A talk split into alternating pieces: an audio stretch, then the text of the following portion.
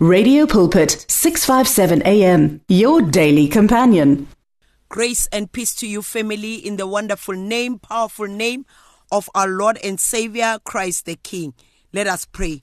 My heavenly Father, in the mighty name of our Lord and Savior Jesus Christ, umutimo ya matla, umutimo ya lukileng, umutimo makgona tsotlhe. Re a leboga even le mo letsatsing la kajeko gore o sa le morena, o sa le mopholosi wa maphelo a rona. O modimo ya itirelang bopaki. Modimo wa ka ke a rapela, lentswe la gago ke le Jehova, haebe wena o tlo bolelang haebe wena modimo ka lona lentswe la gago o itirele bopaki. Ba mamedi ke ba jehova ke ba tlisa go wena gore modimo wa ka wena o modimo. We bless you we thank you in jesus name amen and amen. Family our theme is sitting at the feet of jesus. Sitting at the feet of jesus. Mo re tlo balang re tlo bala mo bukeng ya luke chapter 7 uh, when you read it from verse 37 luke 7 verse 37 setlhogo sa rona ke gore go dula dinaong tsa kreste jesu kapa go dula maotong a kreste jesu. Ha re bala ko luke chapter 7 from verse 27 e re botsa ka monna o ba mmitsang simeon. Bible e re simeon e ne e le motho o ile re sale a invite morena jesu gore a tle ko ntlong ya gae so morena jesu o ne a accepta the invitation ya simeon a tsamaya a yo moetela ko ntlong ya gae ha le ko ntlong ya gae bible e bolela gore morena jesu o ne a accepta the invitation. E re ke bale. Luke 7 from verse 36 e balega ka tsela e. Afterward, Simeon, a Jewish religious leader, asked Jesus to his home for dinner. Jesus accepted the invitation. When he went to Simeon's house, he took his place at the table. In the neighborhood, there was an immoral woman on the streets known to all to be a prostitute, when she heard that Jesus was at Simeon's house, she took an exquisite flask made from alabaster, filled it with his uh, with the most expensive perfume, went right into the house, the home of the Jewish religious leader. And in front of all the guests, she knelt at the feet of Jesus, broken and weeping. The, she covered her feet with the tears that fell from her face. She kept crying and uh, drying his feet with her long hair. Over and over, she kissed the feet of Jesus. So bible e bolela gore this woman eh e bolela gore simeon ka ge a inviteile morena jesu ko ntlong ke tshepa gore morena jesu o ne a ya le the disciples even le batho in the neighborhood. Ha ba utlwa gore morena jesu o tlile eh ka mo ntlong ya simeon ba ne ba tsena le bona because o na mo inviteile for dinner. Le bona ba ne ba ya. And bible e re there was a woman o ile gore le yena o ne a utlwa gore um jesus o tsene ko ntlong ya simeon. Bible e re this woman e ne e le seotswa a prostitute. E re o ne a tseya a jar um ba e bitsa gore ke alabaster. O ne a tseya that a, a, a, a, a flask e le gore bible ka english e re it was an exquisite. E ne e le ja e le gore e bohlokwa thata. E ne e le ja e ntle e ne e le ja ke tshepa gore ya maemo a ko godimo le ditšhelete tsa ko godimo. A tseya ja ela e re a tsenya ka mogara ja ela. She filled the jar with an expensive perfume e a neng a na le yona. A ya ko ntlong ya simeon. Ha fitlha kwale morena jesu o ne a dutse ke tshepa gore o ne a teacher ka lentswe. A ruta batho because every time o ne a ba surrounded by batho setšhaba a ba ruta. So o ne a ba ruta a le ko ntlong ya simeon.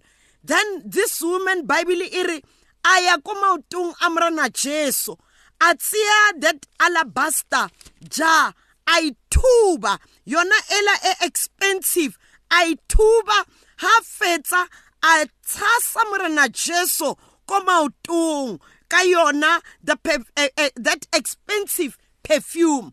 And a a phumula morena jesu ka meriri ya hae. Baebele e re mosadi o o ne a tletse ka sello se sengata. Dikeledi tsa hae di rothela maotong a kreste jesu a phumula hape ka moriri wa hae because o ne a bona gore le he ba ka tseya ba dula mo ditulong ba mo surrounda. Nna se ke se lakatsang ke go dula maotong a kreste jesu. Simeone a simolola go complaina. Ke tshepa gore le ba bangwe ba batho ba ne ba ntse ba le teng ba ne ba simolola go complaina number one ba complaina ka perfume e expensive e a e berekisang maotong a morena jesu. Ba ne ba bona e le a senya fela gore why tshwanetse gore a etse ntho tshwana le e ya go tseya perfume e expensive a tlo ithuba and a itshele mo maotong a kreste jesu. Why a ne a sa e rekise? Gore a fumane tšhelete baebele e re yena even simeon ebile o ne a doubta morena jesu. Baebele e re o ne a he even doubted a iputsa gore is this the real prophet of god? A doubta morena jesu o mo invitile mare wa mo doubta gore how can morena jesu a dumelle a prostitute se o tswa se no dula maotong a hae se thube perfume se dule maotong a gae. O ne a sa tlhaloganye simeon. Gore go dula maotong a morena jesu go ne go le bohlokwa to this woman. O ne a bona gore the only place e nka dulang the closest place was to sit at the feet of jesus christ. Le rona re tlameile re dule dinaong tsa kreste jesu. Re dula yang? Le gona bjanong ha ka ge ka tsela e utlweletseng lentswe la modimo. You are sitting at the feet of jesus. Ha re ya ko ntlong ya morena we are sitting at the feet of jesus. Ha o tseya baebele ko gae o e bala kapa o e bala o rapela you are sitting at the feet of jesus. Ke mo o batlang kreste jesu ke mo o batlang go utlwa kreste jesu ga bolela. Praise the lord. Go bohlokwa go dula dinaong tsa kreste jesu. Go bohlokwa go dula o batla eh, eh, eh, go utlwa se morena jesu a se bolelang re bala hape le ka mary o a neng a dutse dinaong tsa kreste jesu. Baebele e re mary o ne a dutse dinaong tsa kreste jesu. Matsa a complaina mare mary a dula ko luke chapter 10 39 mary a dula dinaong tsa kreste jesu. A bona gore mo gore ke utlwe lentswe la modimo ke le understande. Ke tlamehile gore ke dule ko maotong a kreste jesu. Mo tulong e nyatsegileng mare a re ke tlo dula gona. Le nna le wena a re duleng dinaong tsa kreste jesu. Gobane ke mo morena jesu re kgonang go mutlwa ke mo morena jesu a re utlwang ha re mollela ke mo re kgonang go boledisana go ba le lekunutu le yena. Go na le pina ya opelwa e re lekunutu le morena. O go monate yang go ba le lekunutu le morena. Go na le pina gape ya opelwa e re ha le phirimile ke mo neela bonna ba ka bo bohle ke mo neela tsohle tse di leng go nna. Ha o dula dinaong tsa kreste jesu ke mo o kgonang go tsholla pelo ya gago go yena. Ha o dula dinaong tsa kreste jesu ke mo a kgonang go bona dikeledi tsa gago ha di rotha mahlong a gago simeone a complaina gore who is this woman? Wa o dula ko strateng because bible e re simeone o rile master don't you know this woman? O itse ke everyone in the community. She is full of sins. O tletse ka dibe fela. But jesus never judged this woman. O ne a bona pelo ya hae e nyoretse morena jesu e ne e batla morena jesu e ne e lela morena jesu. Le wena ka tšeko o ka dula at the feet of jesus. Learn on how to sit at the feet of jesus.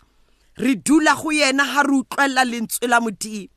Re dula go yena ha re batla gore re morena jesu bolela le bophelo baka fetola bophelo baka morena jesu wa re utlwa ebile wa araba.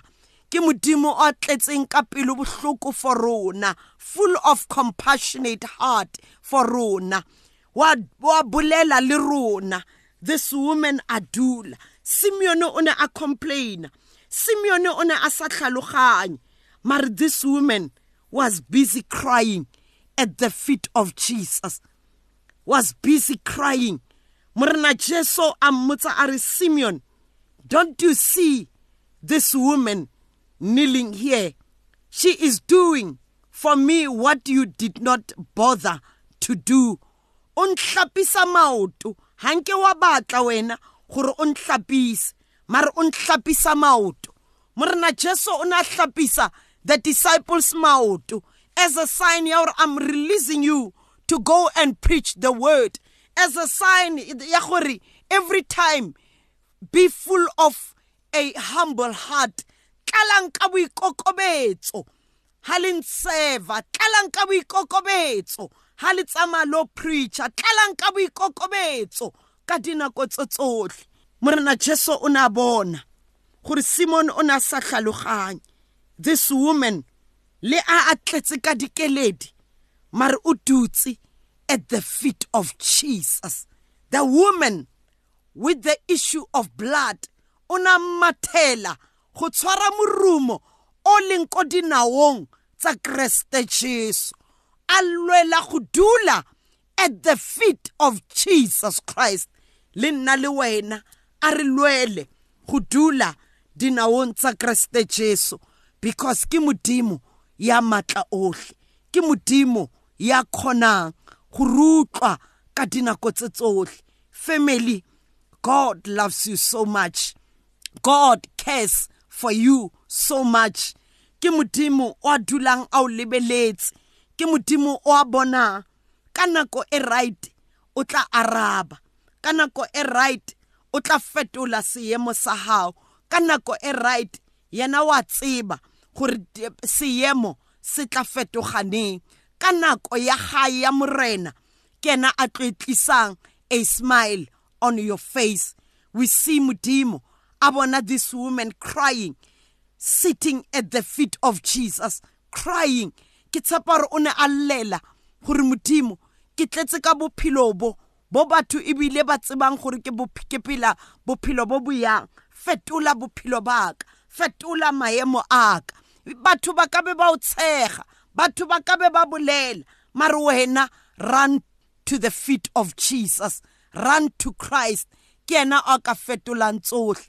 Ba tlogele ba bolele ba tlogele ba tshege ba tlogele it's a season e leng ka mogara yona.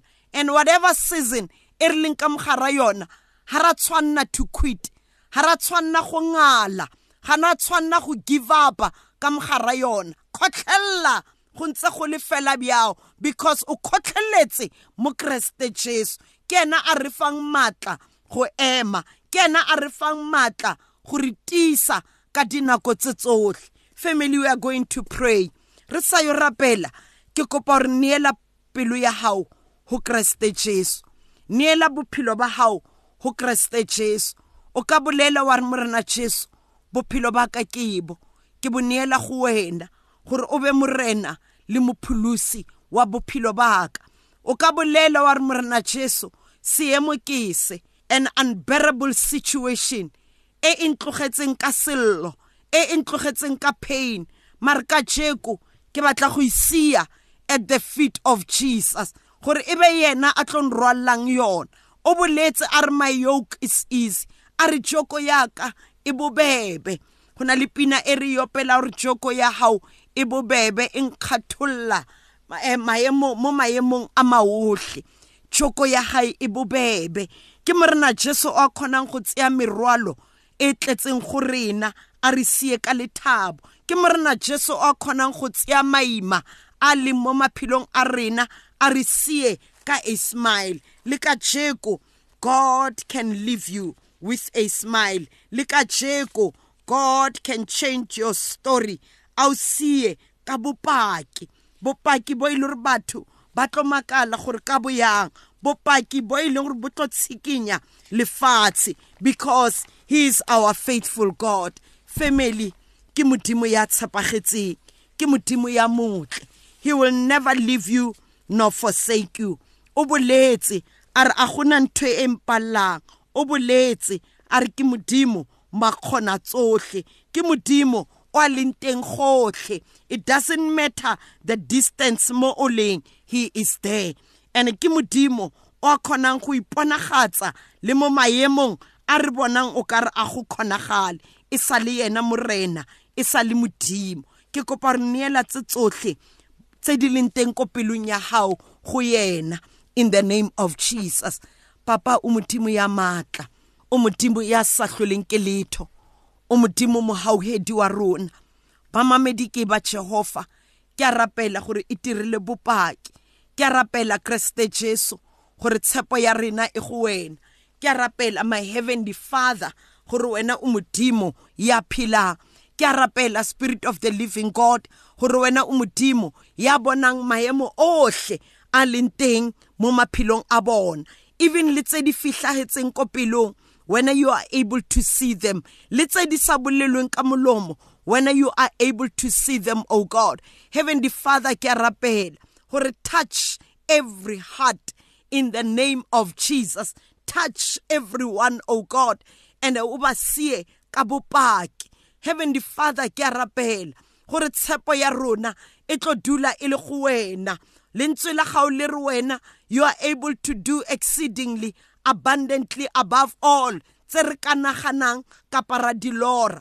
Etsa mohau etsa bopaki jehova gobane re o tshepile. Ko matthew chapter 6 verse 33 e re seek first the kingdom of god and his righteousness. E re tsohle di tla re latela. Modimo wa ka ke ba mamamedi ba utlweletse lentswe la hao ba receivile lentswe la hao. A tsohle di ba latele go ya ka lentswe la hao. A tsohle tse wena o na leng tsona for bona di ba latele di ba iletse bopaki. In jesus mighty name. In jesus mighty name. Amen. And amen. Family may god bless you for tuning in to radio pulpit. Ke moruti Mary Masina mo 082 787 9234 you can connect connect with me or call me mo 082 787 9234 Blessings to you. May God bless you until we meet again. Even on Tuesday, every Tuesday, half past three in the morning, every Saturday, half past nine in the morning until 10. God bless you. Amen and amen. The words of the Lord are words of life. Your heart is on 657 AM. 657 AM. Radio for believers in action.